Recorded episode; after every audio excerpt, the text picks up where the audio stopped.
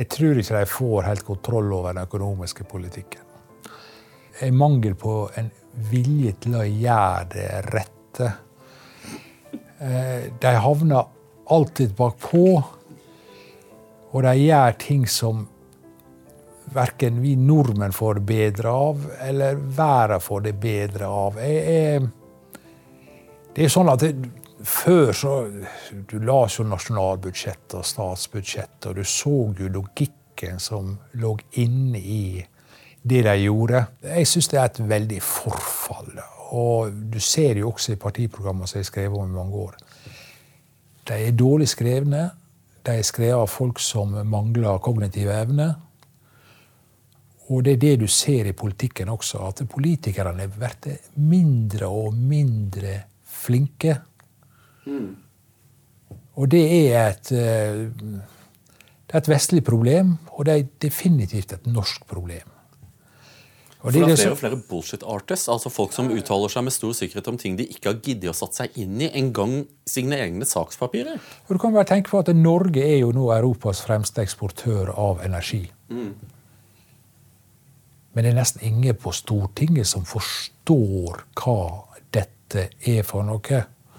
De er interessert i å sole seg. De er interessert i å vinne kortsiktig stemme. Det er, en kamerat av meg som introduserte 106-syndromet. 106-eren, ja. ja. Og det er, om norsk presse og norske kommentatorer han sa det, men det gjelder jo også for politikere. nå til dags. 106 i IQ det er akkurat nok til å gi dem sjøltillit, mm -hmm. men det er for lite til å gi dem innsikt. Mm. Og det er, norsk politikk er veldig prega av 106-ere. 106-eren er den som er, smart nok til å få universitetsutdannelse, men ikke smart nok til å ha nytte av det? Nei, det er også en måte å se det på. Og så fikk vi inntrykk av at Forsvaret skulle få økte bevilgninger. Nei, det blir en realnedgang på 0,2% neste år. Og hvis inflasjonen blir høyere, og det blir den enn regjeringa legger opp til, så blir det en kraftig realnedgang for Forsvaret. Det er godt mulig at Donald Trump kommer til å vinne valget. Og at han kommer til å innta Det hvite hus i 2024. Det er godt mulig.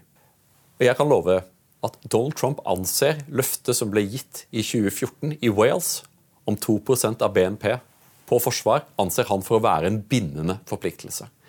Dersom vi ikke har nådd det målet når han inntar Det hvite hus, så kan det være at han knekker Nato over det. Hvis vi ikke greier å bruke litt av oljepengene på Forsvaret, hvem er det da som skal greie det?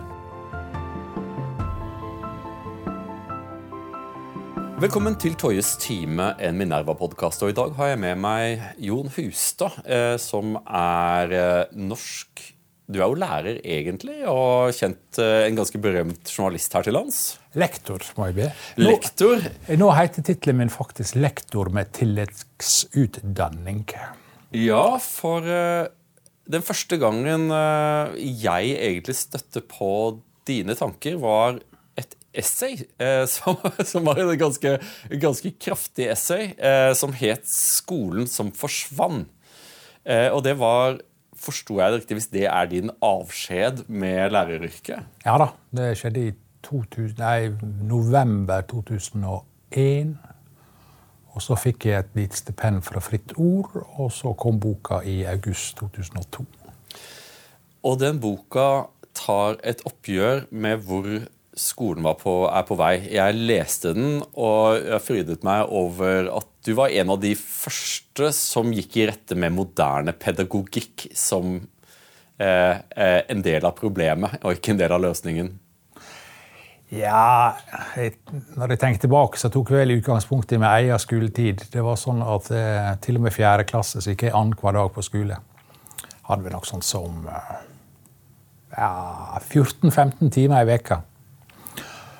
Og allerede på 60-tallet så kom det ei hovedoppgave av en eller annen som jeg ikke husker navnet på. Han undersøkte de nord for fjorden og sør for fjorden som Einar Førde sa var like flinke. Og de nord for eh, Sognefjorden de gikk jo bare annenhver dag, mens de i byområdet gikk eh, hver dag. Mm. Og de nord om eh, fjorden hadde heller ikke engelsk. Og så så vedkommende på hvordan det gikk da jeg gikk ut av gymnaset. Det var ingen forskjell. Og det er vel et, en slags sånn brennende anklage mot uh, hvordan skolen har gått. For barna våre tilbringer jo mer og mer tid på skolen. Ikke bare starter de som seksåringer, da veldig mange gutter spesielt ikke er skolemodne. Men i tillegg så er det jo på skolen etter skoletid også. Uh, og det ser jo ikke ut til at eh, når du ser på PISA-rankingene, at, eh, at, du får noen effektiviseringsavkastning av dette. De blir ikke flinkere på skolen av det. Nei, det som skjedde på 70-tallet, var jo en dramatisk utvidelse av antall lærere. Men når du utvider antall lærere samtidig som lønningene begynte å gå ned fordi det ble flere, mm -hmm. ja, så satt du igjen med en eh, dårligere kohort av lærere som kunne mindre. Og dermed hadde de mindre å overføre til barna. Og så er det jo slik at vi vet jo alle at hvis vi hvis vi oppdager at et av barna våre sliter med et eller annet, la oss si deling, prosentregning og sånt, så kan vi sette oss ned en kveld og bare pumpe på med det, mm. og så sitter det. Men den norske modellen er blitt stadig flere timer der de går i en spiral. De tar opp igjen det samme år etter år etter år. Det eneste som egentlig øker litt, er mengde. Mm. Hvis du ser sånn på historiefag og alt sammen Det er ja, det gjennomsyra av eh, SV-ideologi. Det er ikke Skolebarna vil da tvile på er særlig glede av å lese det de får fra skolen. Og dessuten så er det blitt mye verre siden jeg skrev boka. Det var jeg inne på i boka. For det var allerede forskning i Israel på 90-tallet der de så på skoler som, i rike områder som hadde fått PC-er. Mm. Og så var det en god del fattige områder som ikke hadde fått PC-er. Og de, fra, de som ikke har fått PC-er, gjorde det bedre enn de som hadde fått PC-er. Så skolen i dag er utrolig fragmentert, kjedelig og preget av en dårlig lærerstand. Men hvordan kunne dette skje? Vi lever jo i en tid der vi har flere eksperter og flere folk som, er, eh, som, har universitetsutdannelse på utdanning enn på noe annet tidspunkt i menneskehetens historie. Hvordan kan disse to trendene konvergere? Det er jo slik at eh, Den gamle lærerskolen var jo prega av praktikere, dyktige lærere som hadde gått på Våre lærere det var erfaringsbaserte. Men så kom jo den moderne pedagogikken av 68-opprøret. og De hadde jo ikke en intellektuell motstand å stille opp mot alle disse her som hevda at de hadde en ny formel dette skulle gå bra og lignende. Men det er jo slik at vi har jo drevet undervisning i mange hundre år her i Vesten. Og den modellen vi hadde, fungerte helt greit. Mm. Det var til og med mye billigere enn dagens modell. Og nå sitter jo barna der låst inne i disse klasserommene med dårlig motorikk og med lite fri leik. De er kort sagt ikke de får verken være barn på en skikkelig måte, og de får ikke skikkelig læring heller.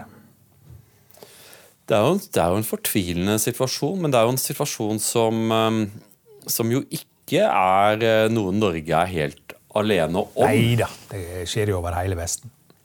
Er det noen land som du ser som har et skolevesen som fungerer bedre? Finland fungerte jo veldig godt, men nå begynner jo også de å eksperimentere med litt mer moderne ting. Da.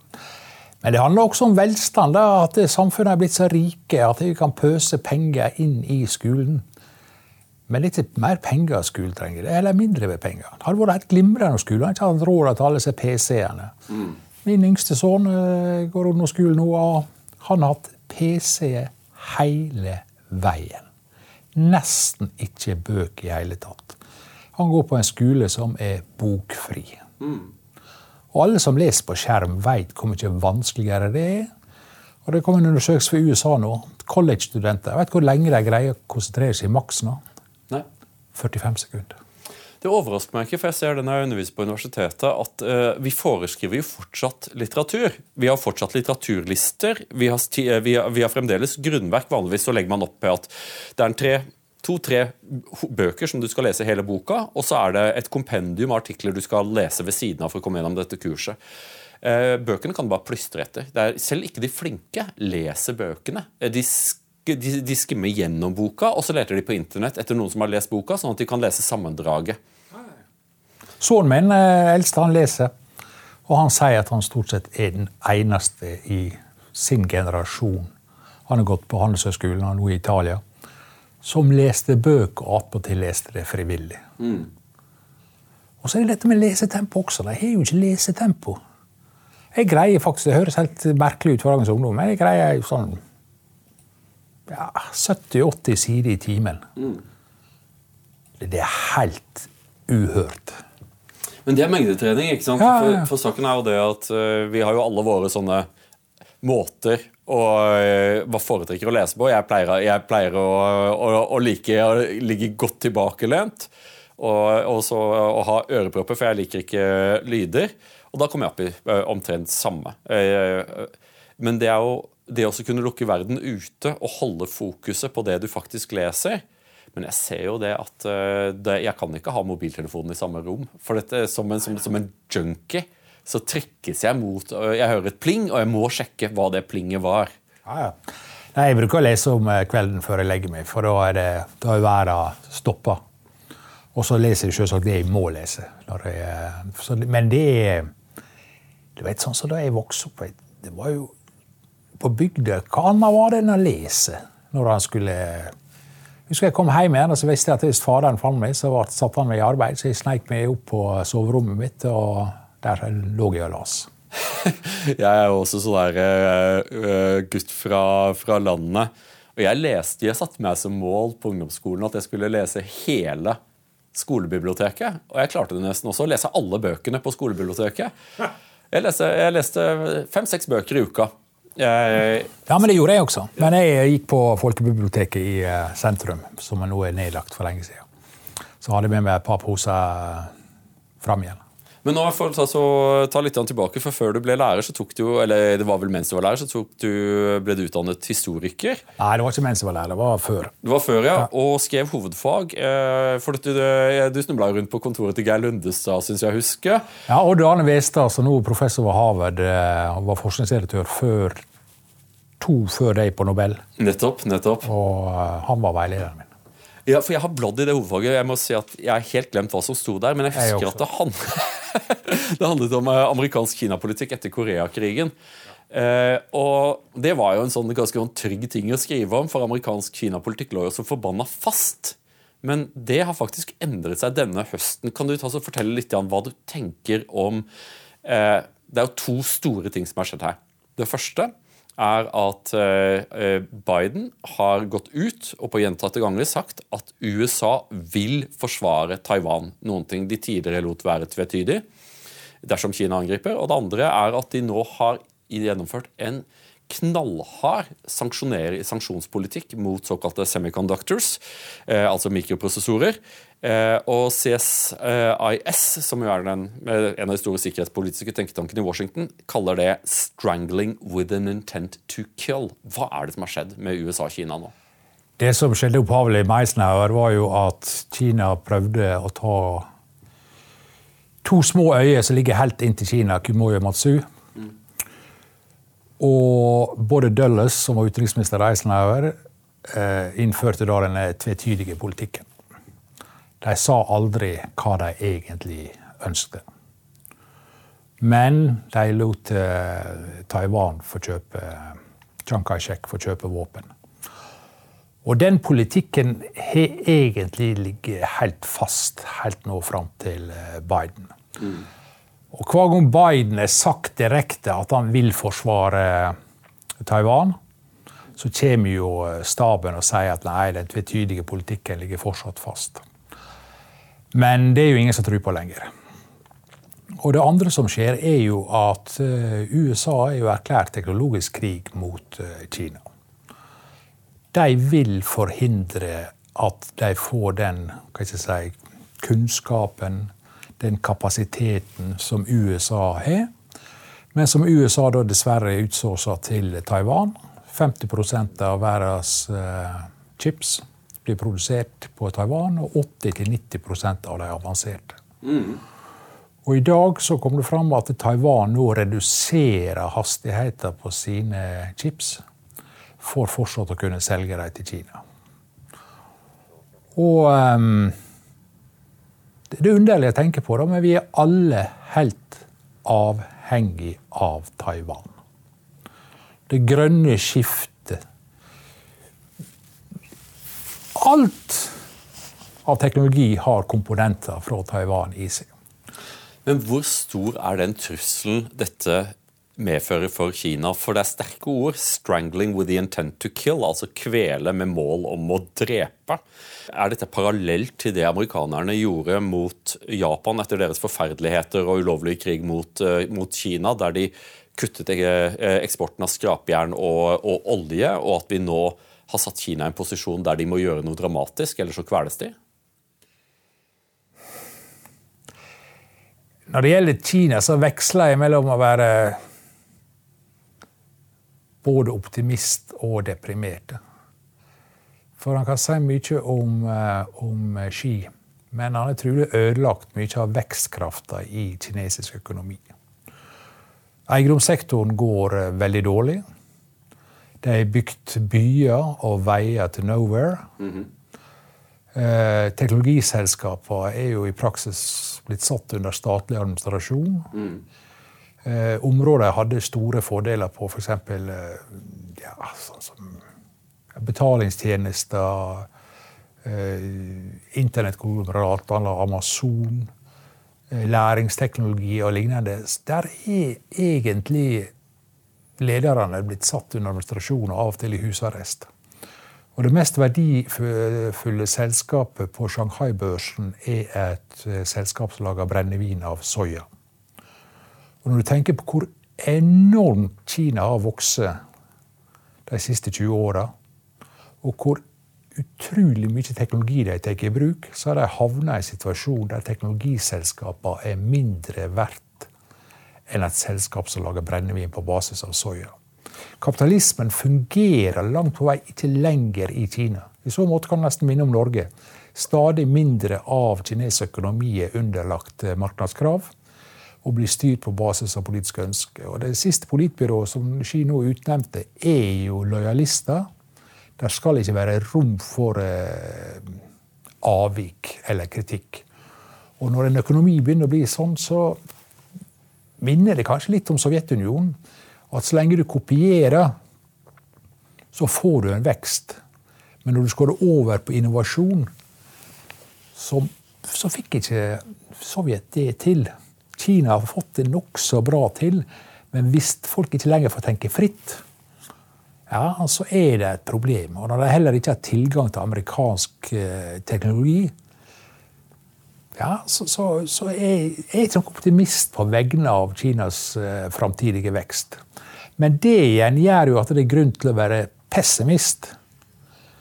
For et land som føler at det blir stengt inne, føler at det stagnerer, er også et land som lett slår ut. Og der er jo Taiwan et utrolig fristende mål for Kina. En, det er teknologi som de har behov for. Og to, det er jo slik at Kina har jo lagt nesten all sin prestisje ned på å samle Kina igjen. Og hvis han begynner å føle at de sakker akterut Ja, jeg veit ikke hvor rasjonell han er. Men nå er det sånn i Washington. For fem-ti år siden så var det ingen som snakka om eh, invasjon av Taiwan. Mm. Nå er jo preiket at det kommer innen to-tre år. Og det, det kan bli stygt. Interessant du skulle si det. Jeg hadde en, sånn, eh, en opplevelse som jeg tenker mye tilbake på. Jeg var, på, jeg var i Russland og skulle på scenen, og så ble jeg sittende i green room sammen med Jack Ma. Russere er ikke veldig flinke til å holde på tiden, så vi ble sittende i en og en halv time. Eh, og etter, sånn, etter, en halv time så måtte vi jo prate med hverandre. så vi ble, Han er veldig, veldig sånn blivat, snakker utmerket engelsk. Og, så, og, Det han forklarte, og det han mente, var at, at Kina sannsynligvis ville ende opp i en posisjon der eh, man må ligge unna politikken. Politikken tilhører politi eh, partiet. Men så pekte han på men se på gamingindustrien vår.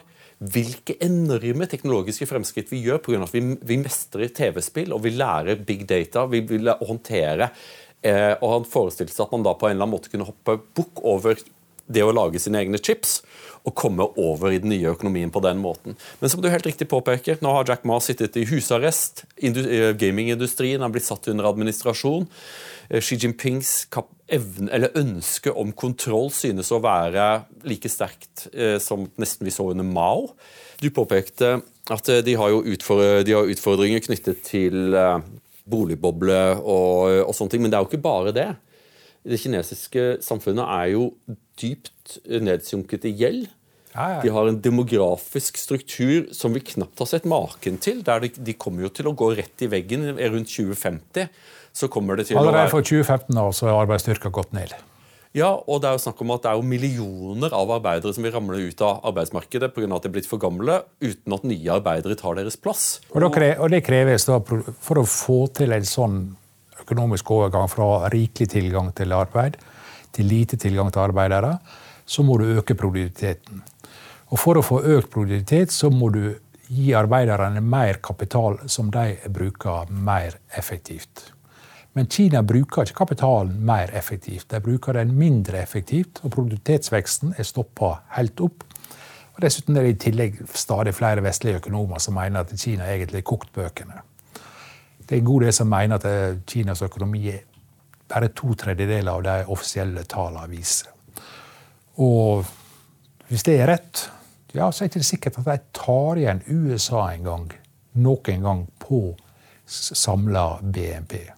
Og så kan du alltid hevde at ja, men vi har kjøpekrafts-BNP og sånt. Mm. Nei, nei, nei. I krigssituasjonen så er det reelt BNP som gjelder. Men Ari, amerikanerne eh, forstår de helt hva de har gjort? Eh, fordi det er jo ikke sånn at det står helt utmerket til i den amerikanske økonomien heller, og ikke i det amerikanske politiske liv. Vi taper denne episoden her dagen før mellomvalgene i USA. og jeg har hatt lyst til å spørre deg, Hvordan leser du amerikansk politikk nå? For jeg tror at vi er enige om at the fundamentals, det fundamentale amerikanske økonomi er sunt. Amerikansk økonomi har, har, god innovasjon, god tilgang på ressurser, de har verdens reservevaluta, de har noen fantastisk profitable selskaper.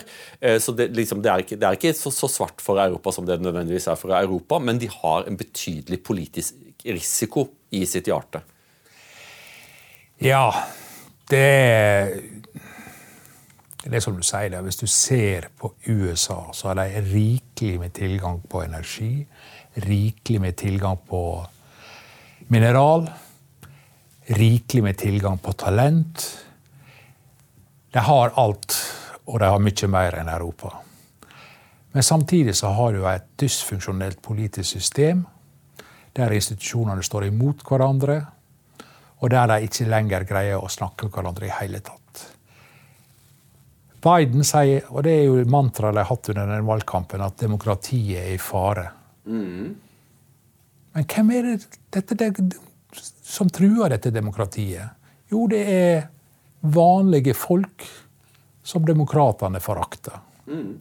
Det de egentlig sier, er de sier ikke at demokratiet ikke er i fare. De sier at demokratiet ikke fungerer fordi folk har feil meninger. Mm. Og da har de et enormt problem, og jeg veit ikke heller Jeg er ikke optimist på hvorfor Jeg vet ikke hvordan de skal komme seg ut av dette her. Og det er, det, det er nokså svart, for å si det enkelt. Det er konspirasjonsteorier.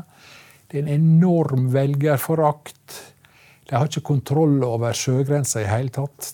2,5 million kom ble registrert passerte grensa i fjor. Mm. Og de regner med iallfall 500 000-800 000 ble ikke registrert i hele tatt.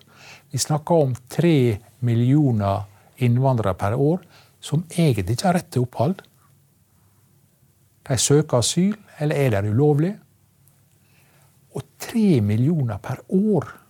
Det er 30 millioner per tiår. Og når denne flommen først starter, så er det ikke sånn at den blir redusert de er nødt til å gjennomføre dramatiske tiltak på sørgrensa.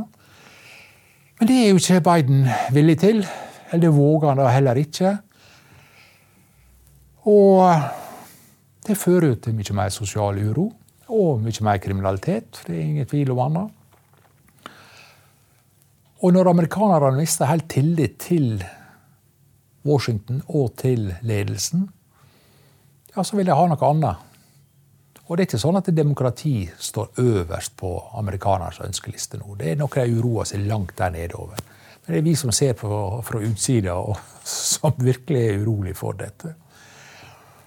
Og, eh, og så er det jo Biden. Da. Han er jo han er utrolig svak. Da. De er enige, Trump og Biden er enige om Kina. Men når han f.eks. sier da i valgkampen at han skal slutte med all drilling mm. Hele tida havner i konflikt med oljeselskapene. Eh, gjør ting som europeiske regjeringer aldri kunne gjort. Ta f.eks. det at han avvikla 300 milliarder dollar i eh, studentgjeld. Som jo er et ganske dårlig maskert stemmekjøp, er det ikke det? Det er nettopp det det er. Men en amerikansk president kan gå over Kongressen og bare skrive av 300 milliarder i gjeld som tidligere studenter hadde. Hva er det for noe, da? Ja, han har, har ikke lov, egentlig ikke lov til å bevilge penger uten godkjennelse fra Kongressen. Noe han selv sa! Han sa jo 'jeg kan ikke gjøre dette uten tilslutning fra Kongressen', og så gjør han det, og så later han som at han ikke nettopp sa det. Han forklarer ikke hvordan han ga seg selv denne makten. Presidentdekret. Og ja, da er det bypass Kongressen igjen og igjen og igjen. Ikke for det. Trump gjorde akkurat det samme. Obama, Obama gjorde akkurat det samme. Dette her er stadig tiltakende. Ergo så får du da eh, institusjoner som skal virke i, i samspill, Kongressen og presidenten, som egentlig ikke gjør det. Og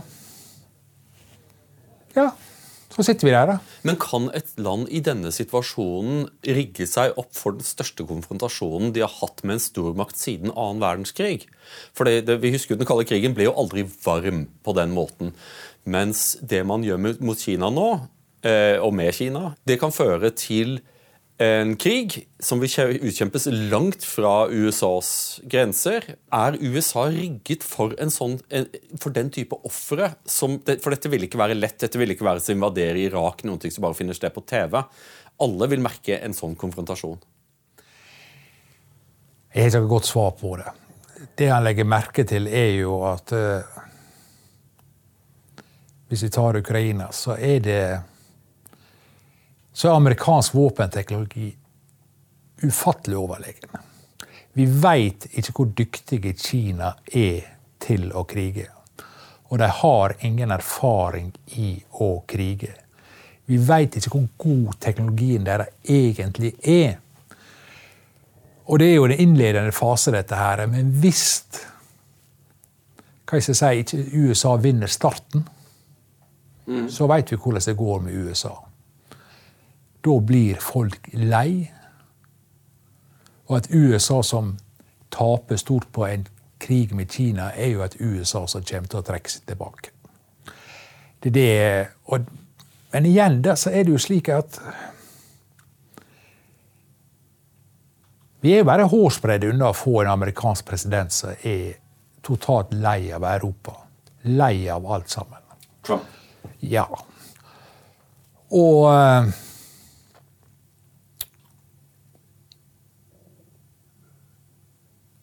eh, jeg, jeg vil ikke bli forbausa om Trump kaldt kalkulerende lar Taiwan gå. Og så er det spørsmålet er det Hvis han skal være kaldt realistisk, skal han skal han akseptere at Kina tar Taiwan med makt? Ja, det er jo slik at eh, både USA for den er Norge og de fleste vestlige land har jo sagt at de støtter ett-Kina-politikken. Men det gir jo amerikanerne blanke i ja, det? Ja, det, det er klart de, gir, de, kan gi blanke i det. Da. Men når situasjonen er der, er det helt sikkert at USA kommer til å forsvare Taiwan.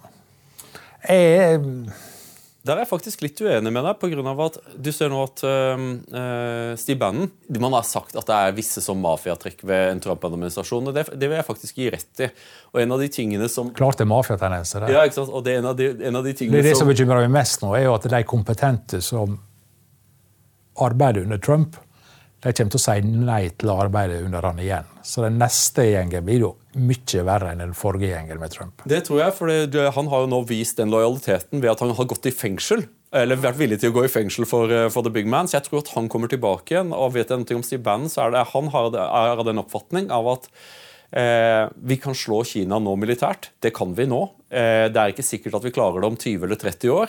I alle fall ikke like lett. Vi tar konfrontasjonen nå. Det har vært hans holdning hele ja, tiden. Jeg har møtt han, og Kina-hatet hans som all mulig grunn, det er rødglødende. ja. uh, men jeg er likevel ikke sikker.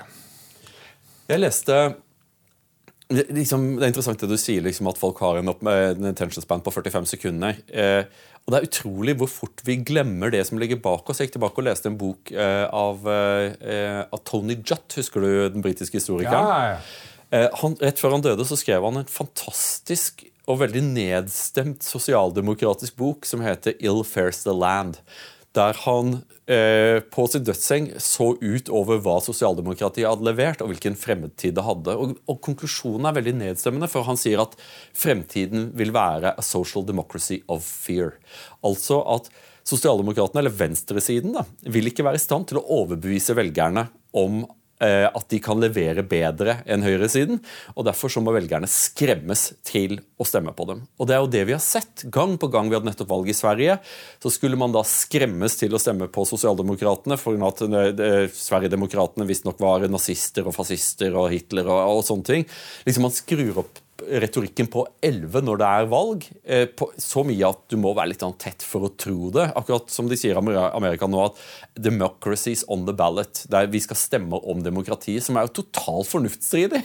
Hvordan i all verden kan man ha et demo... At, så det du sier, er at hvis jeg ikke vinner valget, har vi ikke demokrati lenger. Men hvem er det som er antidemokraten da? Når, man, når, man, når, man, når, det er budskapet til velgerne. Men det er tydeligvis alt de har, da, er å forsøke å skremme velgerne til å stemme på dem. For de, kan de, de kan jo ikke gå til valg på sin egen eh, track record når det gjelder eh, økonomien eller kriminalitet eller grensa, som du påpekte. Nei, men denne retorikken siver jo inn over alt. Det er jo apokalypse på så ufattelig mange fronter for tida. Og når du det er så mange som tror at alt går til helvete, så blir jo dette en selvoppfyllende profeti. Det er jo slik at Hvis du tror at verden blir ødelagt av CO2, ja, så får vi kutte ut CO2-en. Og da blir jo verden garantert ødelagt. Det er disse her Det, det er ikke en samtale som er rolig lenger. Det, og det er så er det sikkert noe med internett å gjøre, eller et eller annet. Da, men det er jo sånn at det, eh, Her i Norge også det, det er jo mening, meningsløst å føre dialog med, med, Greenpeace eller en god del akademikere om klima. Det er Ja, det, det er så mange arenaer som egentlig ikke har ei samtale lenger. Og det, du, du, Presidentdebatter i USA du, Tenk neste gang. Da kan det bli Trump og Biden igjen. altså. Det er jo helt forferdelig å tenke på at vi havner der. Hvordan kan en gammel mann som ikke fungerer nærheten av optimalt lenger, Joe Biden, stille opp mot en skrikhals som også nærmer seg 80 år? Mm. Det er Nei, det, det, det, Og du ser Storbritannia også forfalt til et politisk sirkus. De landene som vi virkelig stolte på, er jo så elendig styrt. Ja. Og det er ja, Det er kvaliteten på lederskap. Men du nevnte Greenpeace. Hvorfor nevner du Greenpeace? Nei, jeg var, bare Da jeg kom opp fra rulletrappa på Nationaltheatret i dag, så så det, var det en enorm billboard. Og der sto det Regjeringen vurderer å åpne for gruvedrift på havbunnen. Gå inn på greenpeace.no og skriv under protestskriv. Mm -hmm. Og du kan tenke deg Greenpeace er mot oljen. De er del mot vindmøller på land, som jeg i og for seg støtter dem i. De er mot leiting etter mineraler. Og da er det ikke noe igjen, der. Ja, for Hvordan skal man få til det grønne spranget dersom man ikke har mineralene som man trenger for å gjennomføre det grønne spranget? Og du ser nå sånn som for eksempel, Jeg liker å kose meg med når jeg eh, Holmen i Asker, der selger de biodiesel. Ren biodiesel. Og den er hele høst vært over 30 kroner per liter. Og hvorfor er biodiesel så dyrt? Jo, fordi diesel er dyrt. Du trenger massivt med diesel for å lage biodiesel. Mm. Du ser eh, vindmølleinvesteringene i Europa nå er ned 50% sammenlignet med 2020. Fordi råvarene er blitt så dyre. Mm. Hele det grønne skiftet er totalt avhengig av en fossil økonomi. Men de vil ikke en, de vil ikke ha fossile kilder.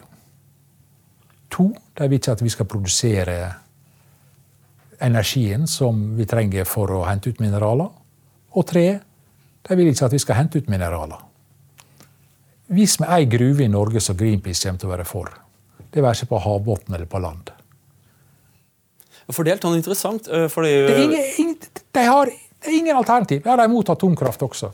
Og dette her, det gjennomsyrer akademia, det gjennomsyrer store deler av norsk politikk. Og det er jo sånn, Ta f.eks. regjeringsforhandlingene i fjor om statsbudsjettet. Ikke regjeringsforhandlingene, men statsbudsjettet. Mm. Det har aldri vært en del av statsbudsjettet å si ja eller nei til et oljeprosjekt. Det har aldri vært en del av statsbudsjettet å si nei til en ny konsesjonsrunde. Men Senterpartiet og Arbeiderpartiet ga SV denne seieren i fjor. Nei til en ny utlysningsrunde nei til felt nord i Barentshavet, så trolig er det det siste området som inneholder store mengder med gass. Mm. Og da fikk SV denne seieren, og der etablerer seg en ny kutyme.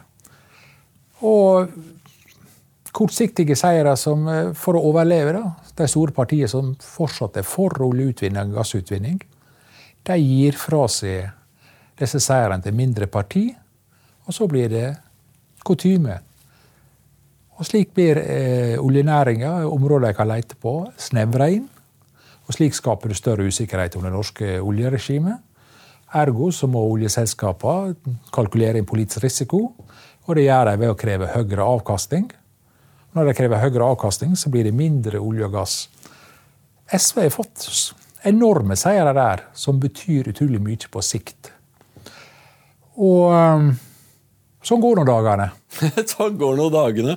Men sånn som jeg, jeg lurer litt det, det, det, på litt, det, det, er ikke ansvarlig lenger. Nei, nei, for det, er jo en av de tingene Det ene er jo det at en gang i tiden så var det sånn at økonomien var sitt eget rom. så du, eh, vi, Det var en slags kompromiss at, at, staten skulle ta et steg tilbake og så la eh, økonomien være så effektiv som overhodet mulig. og så skattlegge avkastningen og bruke det på en stor og fin velferdsstat. Men det virker som at staten har tatt et lubbent steg tilbake inn i økonomien. En, sånn, en ny seier for sånn dirigistepolitikk, der politikerne både setter mål og midler. Eh, og, og, og, og, det virker som at grunnen til at vi sluttet med det, det, den er fortsatt aktiv. For politikere er ikke flinke til å tenke gjennom konsekvensene av politiske beslutninger. Eh, økonomiske beslutninger. Unnskyld. Nei, og det som er det store problemet i Norge er jo at staten egentlig er så rik at den ikke trenger næringslivet. Hvis man skal se på det stort samfunnsøkonomisk, så er, hva er eksport for noe? Jo, eksport er å få valutainntekter fra andre land. Og de valutainntektene bruker vi til å kjøpe oss ting. Mm -hmm. Og i det perspektivet så har vi oljefondet, så har vi oljenæringa, selv om veldig mange er mot den. Og så har vi krafta. Og så har vi en kraftkrevende industrien som ikke er eid av staten. Mm. De sektorene alene er nok til at Norge kan importere akkurat det vi vil. Mm. Ergo så er ikke det viktig å legge til rette for investeringer, innovasjon, omstilling. Og dermed, når de trenger å få inndekning, samtidig som de prøver å dempe økonomien, så er det bare å legge høyere skatter på privat sparing. Og det gjør de i veldig stor grad nå. Men det har vært en, sånn, det har vært en veldig begivenhetsrik høst. Eh, og store ting som ville vært eh, tidligere tema for endeløse debatter, har bare liksom blafret forbi oss. En av de tingene har vært eh, en ny skatt på de aller rikeste her til lands, som synes av avstedkommet en voldsom utflytting av de aller rikeste borgerne. Stemmer det? Det er ikke det at det er ny skatt, men de øker formuesskatten til, til 1% Eller sagt de vil gjøre det, og så det i praksis da øker, da, siden de kom til makta, utbytteskatt. For å si det veldig enkelt, fra 30 til 40 mm.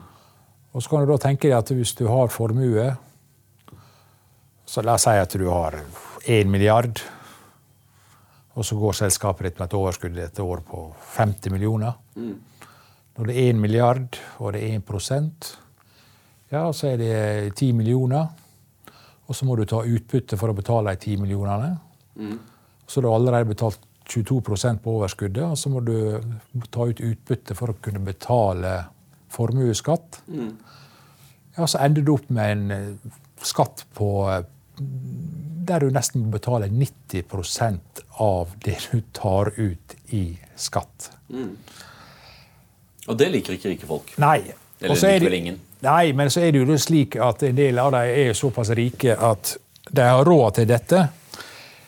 Men da er det jo andre ting som skjer. at det,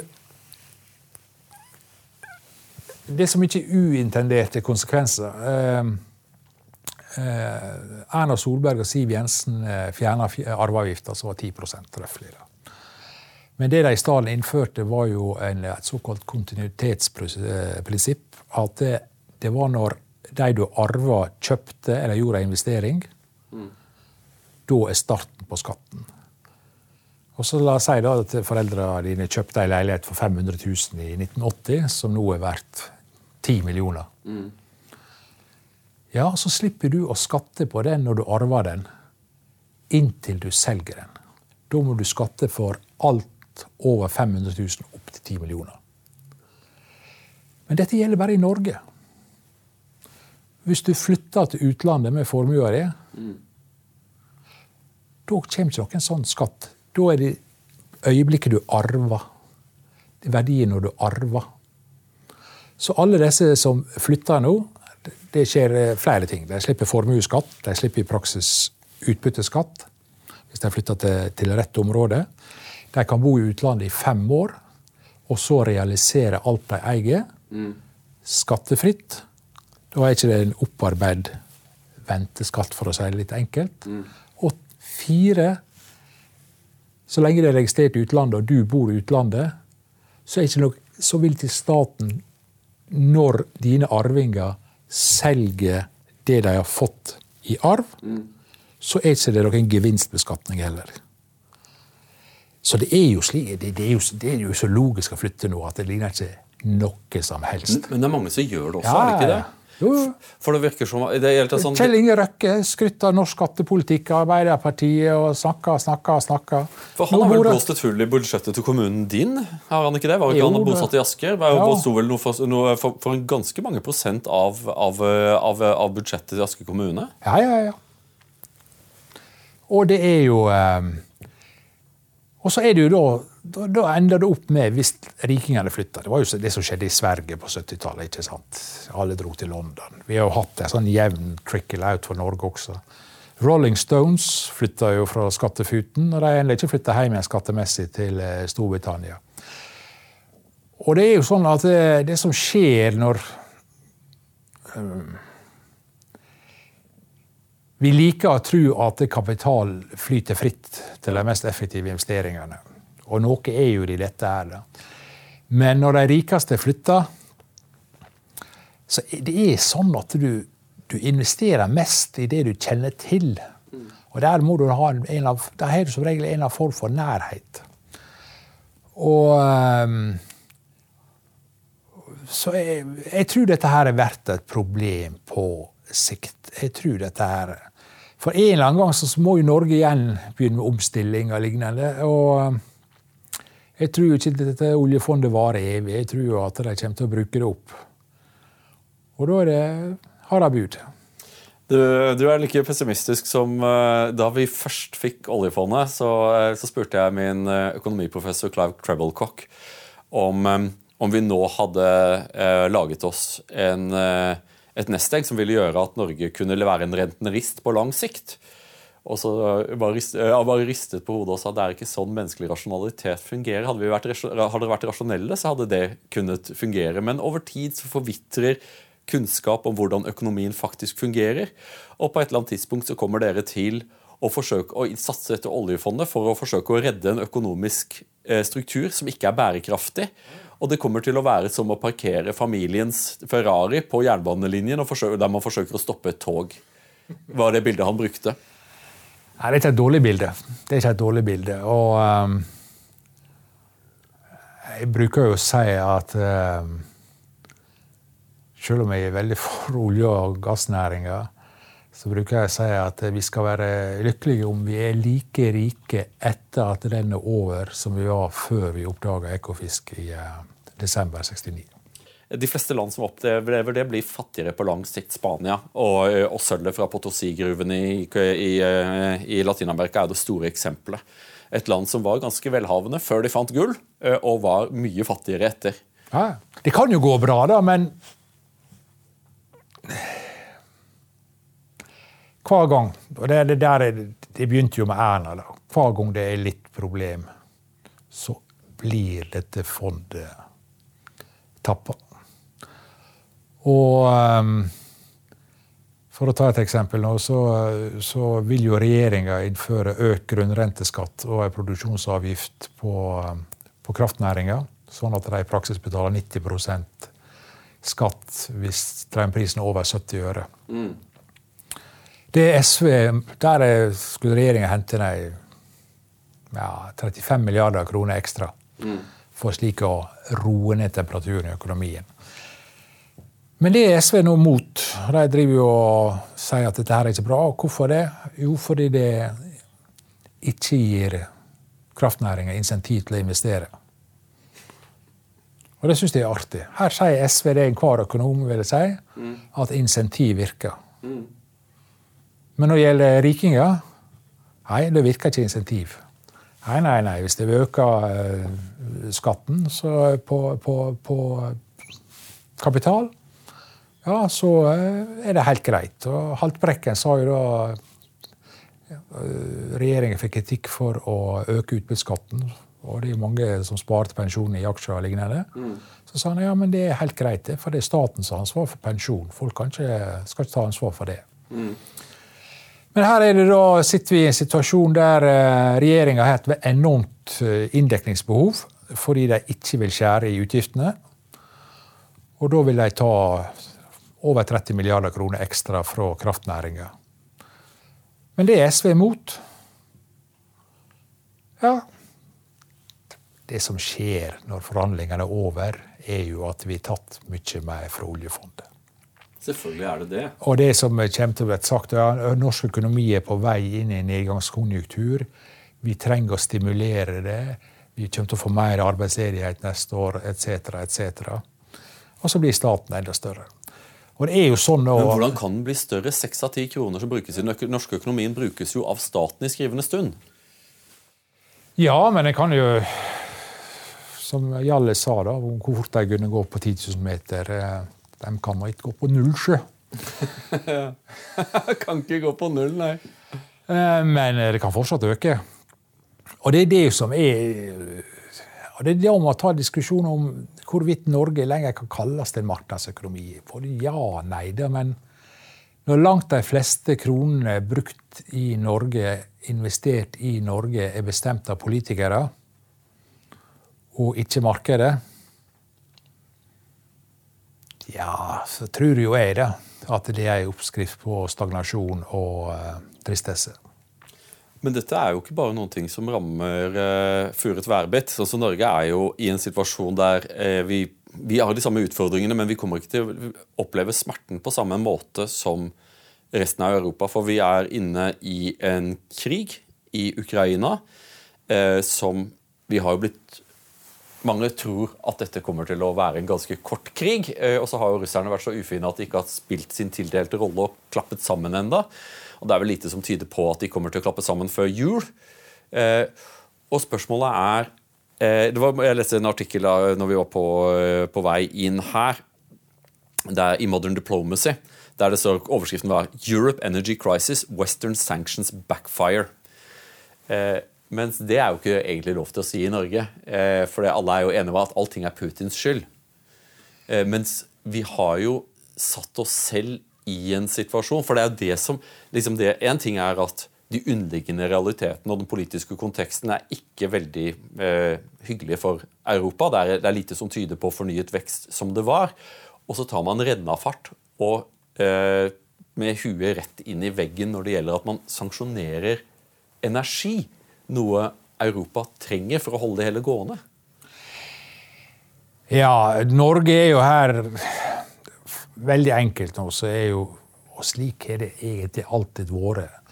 De som har energi, vinner.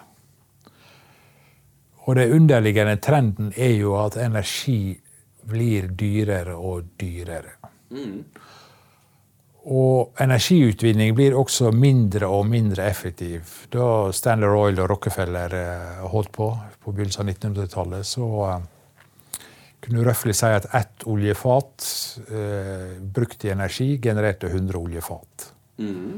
Nye felt nå, så er det ett oljefat eh, genererer fem oljefat. Været og all vekst i verden har vært basert på energirikelighet og stor tilgang til dette. Og mens Europas strategi og EUs strategi, uten at de tenkt så nøye over det, vil jeg tro, da, har jo vært å gjøre energi dyrere og dyrere for å få til den grønne omstillinga. Mm. Men så har de samtidig da hatt Russland som en slags uh, sikkerhetsventil. En kausjonist, på sett og vis? Ja. Og, eh, og hva skal jeg si, Russland har jo oppdaga det samme som vestlige oljeselskap oppdaga, som Equinor oppdaga, som Exxon oppdaga det. Dette kvartalet her fikk Exxon sitt største overskudd regna i faste dollar noen gang. De har et større overskudd dette kvartalet enn de beste kvartalene under gamle Rockefeller. Og det er selv om de er delt opp. Mm. De har større overskudd enn Standard Oil hadde. Equinor får i år et større overskudd enn Exxon. Uh, og hva er det disse oljeselskapene oppdager nå? Jo, det er jo dette at det, det er skjedd noen magiske investeringer uh, nesten over hele verden. Det er indeksfond. Det er samme måte som oljefondet blir forvalta. Det blir eget forvalta passivt. Du kjøper et tverrsnitt av aksjer. Mm. Veldig fornuftig investeringsstrategi. Da. Men nå eier x antall pensjonsfond, x antall fond, aksjer i alle børsnoterte vestlige oljeselskap. Og de vil ha igjen pengene som de tapte da oljeprisen gikk ned mellom 2014 og fram til etter covid. Og ingen av dem ønsker nye investeringer. De ønsker bare at du skal sitte, som oljeselskap skal sitte rolig i båten og tjene penger. Mm. Før var det slik at eh, ett oljeselskap så at nå oljeprisen høy. Vi øker investeringene. Vi kommer først i markedet med ny olje. Da tjener vi penger. Og så ble det overinvesteringer. Det er boom and bust-syklusen som er tradisjonelt vært i oljenæringen. Nå ser den iallfall temporært ut til å være oppheva. Og Russland, samtidig som de har skrudd mer og mer igjen på gasskranene, så merker ikke dere mindre inntekter fordi gassprisene har gått opp. Mm. og når gassprisene for det verste lå ti ganger så høyt som det lå i USA, så får du da med en tiendedels produksjon den samme profitten som et amerikansk gasselskap. Fordi den er så høy i Europa. Men nå vil jo Saudi-Arabia forsøke å låse oljeprisen på 100 dollar fatet. Hva slags konsekvenser vil det ha for verdensøkonomien hvis eh, vi på lang sikt kommer til å ha så høye oljepriser? 100 dollar er ikke noe å være bekymret over. Vi er greit, for å si litt enkelt, vi er greit å håndtere over 200 dollar hvis du eh, før Jom, Da vi fant oljen i, eh, i, på Ekofisk, så i etterkrigstida så lå oljeprisen nokså flatt. Mm. Og da var det i dagens penger 28-29 dollar. Og vi mente det var hyperlønnsomt. Innen det var gått tolv år, så hadde oljeprisen gått opp åtte ganger. Jom Kippur og Irak-Iran-krigen. Og så hvis det er tre ganger åtte, da er vi på, på 100, 240 dollar. Mm. Verden har levd med en oljepris på 240 dollar.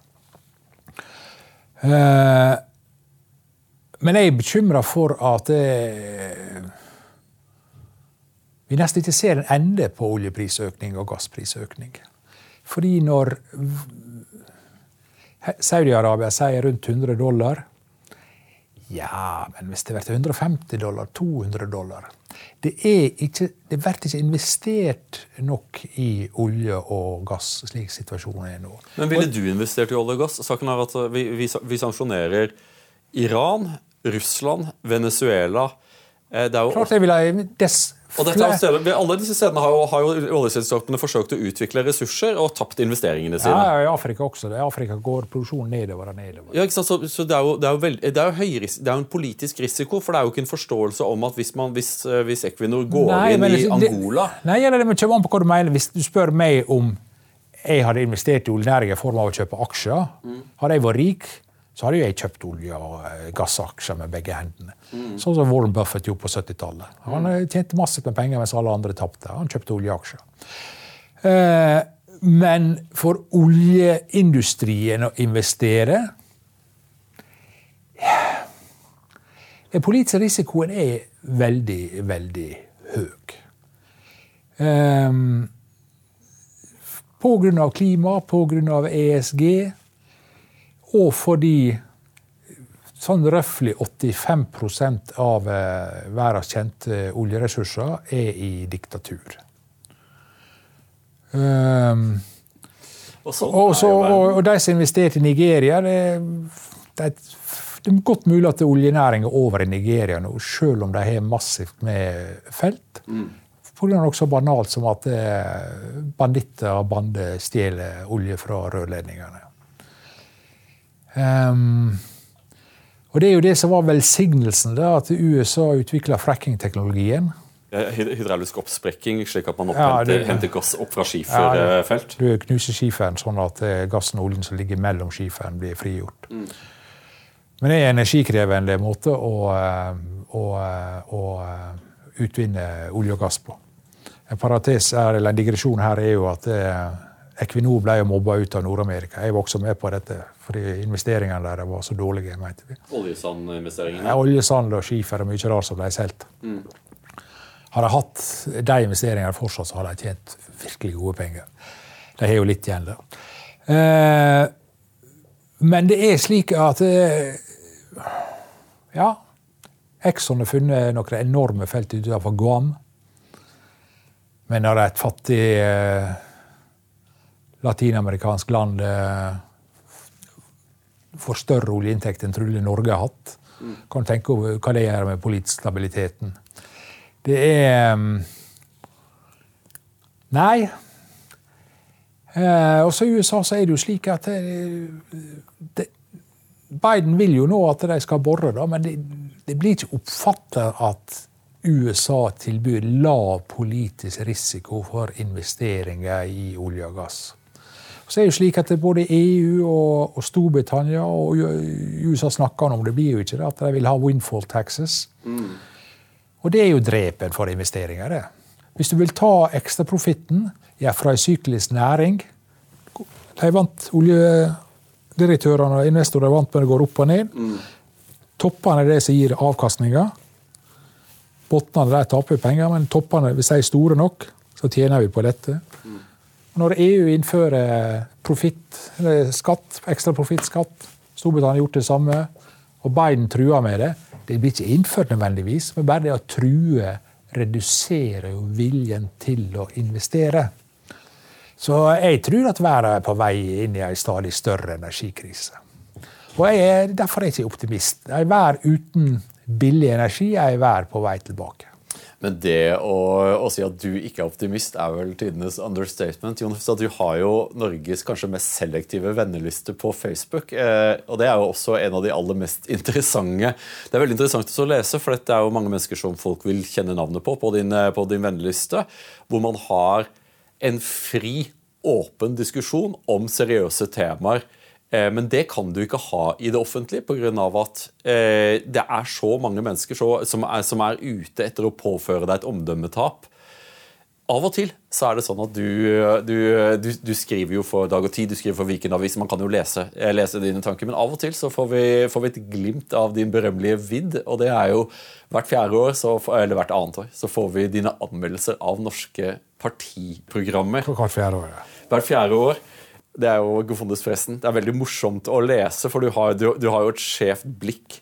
Og jeg vet jo at du er ikke et politisk dyr, iallfall ikke et partipolitisk dyr Nei, i det, det hele tatt. Jeg har ingen anelse om hva, om hva du stemmer, og det vet du vel knapt nok selv heller. Men helt sånn avslutningsvis kan du, eh, kan du se litt framover mot det stortingsvalget eh, som kommer? Et, det er bare et år siden det forrige. Hvordan tror du at det vil gå for denne regjeringen? For du, for du har jo vært en fan av norsk politikk eh, i svært lang tid. Du vet hvordan regjeringer har, har reist seg og falt. Og det, den regjeringen vi har nå, har vi et Senterparti som har gått fra å ligge på rundt 15-16% og nå ligger på sperregrensa. Arbeiderpartiet ligger nær historiske lavmål.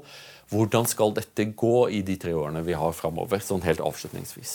Jeg tror ikke de får helt kontroll over den økonomiske politikken.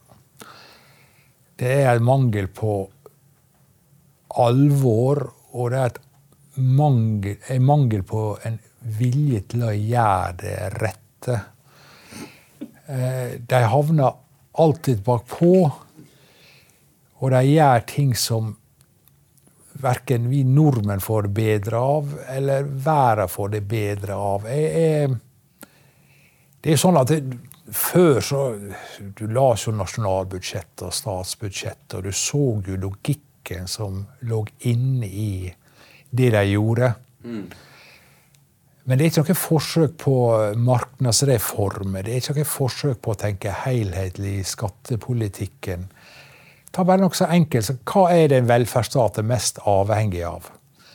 Jo, det er galt å si det, men det er sånn øvre mellomlag. Ja, mellomlaga. Mm. Øvre middelklasse. Ja.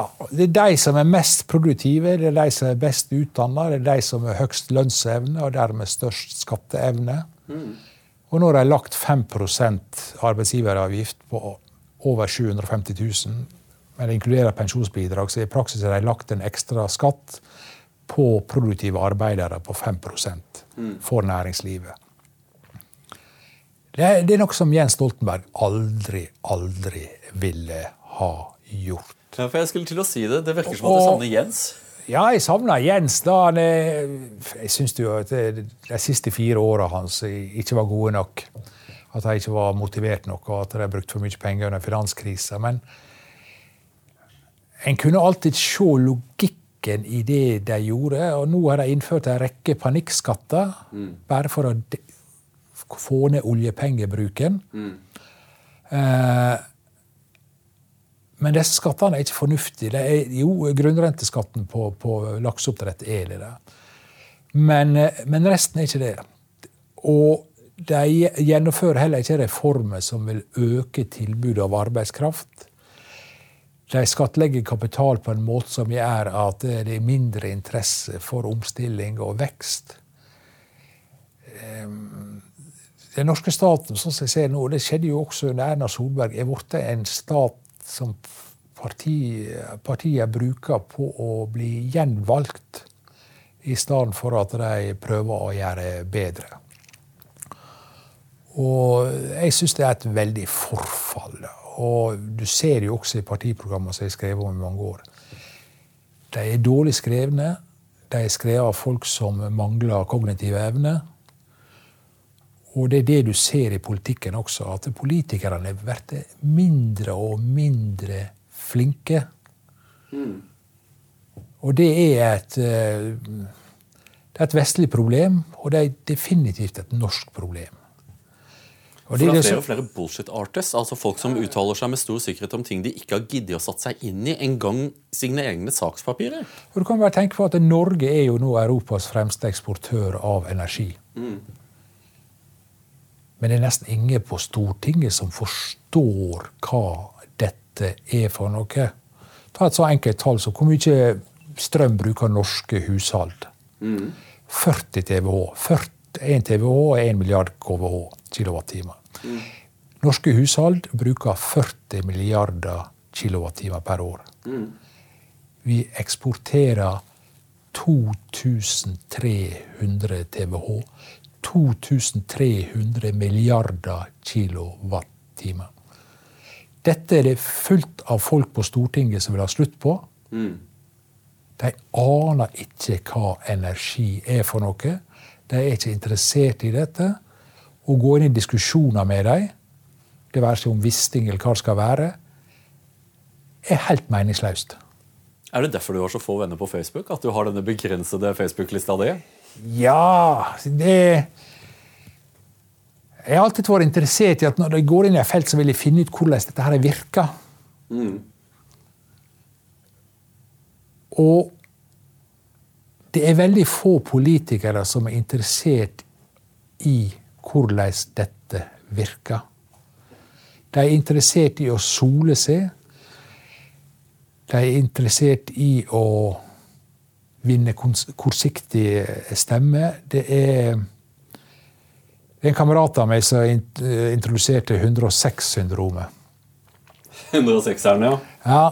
Og det er, om norsk presse og norske kommentatorer han sa det, men det gjelder jo også for politikere. nå til dags. at 106 i IQ det er akkurat nok til å gi dem sjøltillit, mm -hmm.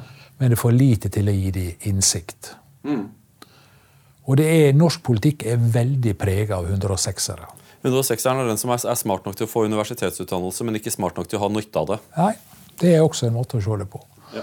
Og det var jo det, det fine med regimet helt ifra Willoch 70-tallet var forferdelig i Norge, men de var forferdelige over hele Vesten. Men helt ifra Willoch Ja, gjorde feil. Fra Willoch til Gro Harlem Brundtland ja, Jagland og Bondevik, det er jo så si sak, men de ble jo styrt av et veldig velfungerende finansdepartement. Til Jens. De var alltid voksne til stades. Eh, statsministeren var interessert i mekanikken, i hva som fikk økonomi til å fungere, hva som var fornuftig å gjøre. Mm. sa som Francis Sejersted sa om Gro Harlem Brundtland. Han, Francis ledde da et eller annet utdanningsutvalg. og Så kalte hun inn Francis Sejersted på, på kontoret, og så sa hun Francis, vi må gjøre noe med det for å få denne klumpen til å fungere. Mm. Og det, det, det, sier noe om tankegangen. Det er hvordan skal dette her fungere? Gro var en elendig opposisjonspolitiker, men hun var en strålende kliniker som statsminister. Hun lytta til fagfolk og gjorde det de sa. Og dette er vært den norske modellen. Mm. Men uh, når du ser på, uh, på ja, er, det begynte, Forfallet begynte virkelig under Erna. F.eks. alle en, enorme summene hun brukte da oljeprisen gikk ned i 2014 den ekstreme mengden som ble pøst inn i norsk økonomi under covid. Mm. Det var ikke nødvendig noe av dette her. Selvfølgelig var det ikke det. Og det, det skaper sklerose, det skaper tilstivning. Og nå har vi en finansminister, en hyggelig kar i og for seg, men for hun vasa rundt land og strand og sa ting som det var klin umulig å holde. Og nå er det sånn som hjemme i Ørsta, i Vartdal, der er lakseoppdrett. Mm. Det gikk mange hundre kvinnfolk, husmødre, i protesttog mot grunnrenteskatt på laks. Det var helt vilt. Han er til og med greit å legge seg ut med husmødre på Vartdal som er imot grunnrenteskatt. Jeg er jo for den grunnrenteskatten, men det, det, det, men det er ikke noe politisk håndverk. Han, han lovde å gå på vannet, og Arbeiderpartiet Ta Støre, da. Han har jo vært en strålende diplomat. og Både Gro og Jens var veldig fornøyd med han, da, men Han, hele hans liv har vært å si på den ene siden og på den andre side. Belyse sakskompleks. Og så er det noen andre, andre bestemmer. det er som jo vanskelig å være en god diplomat. Du sier på den ene siden, på den andre siden, lytter høflig til alle, binder deg ikke til noe standpunkt. Og når beslutningen har kommet, så sier du at det var det du mente hele tiden. Og nå må han da ta beslutninger. Og så fikk vi inntrykk av at Forsvaret skulle få økte bevilgninger. Nei, det blir en realnedgang på 0,2% neste år. Fordi de satte av en pott til redningshelikopter som også kan brukes på fregattene. Ja. Det, det er på langt nær sikkert at vi får fatt i det. Trolig får ikke vi fatt i det neste år. Og Hvis inflasjonen blir høyere, og det blir den den regjeringen legger opp til, så blir det en kraftig realnedgang for Forsvaret. Greit nok, men ikke kom her og fortell meg at dere da satser på Forsvaret. Men takk, takk for at du sier det. for jeg, jeg sliter så, Jeg har snakket med noen av våre venner i Det kongelige norske utenriksdepartement. og jeg, det, jeg så sier at Hør her. Det er godt mulig at Donald Trump kommer til å vinne valget. Og at han kommer til å innta Det hvite hus i 2024. Det er godt mulig.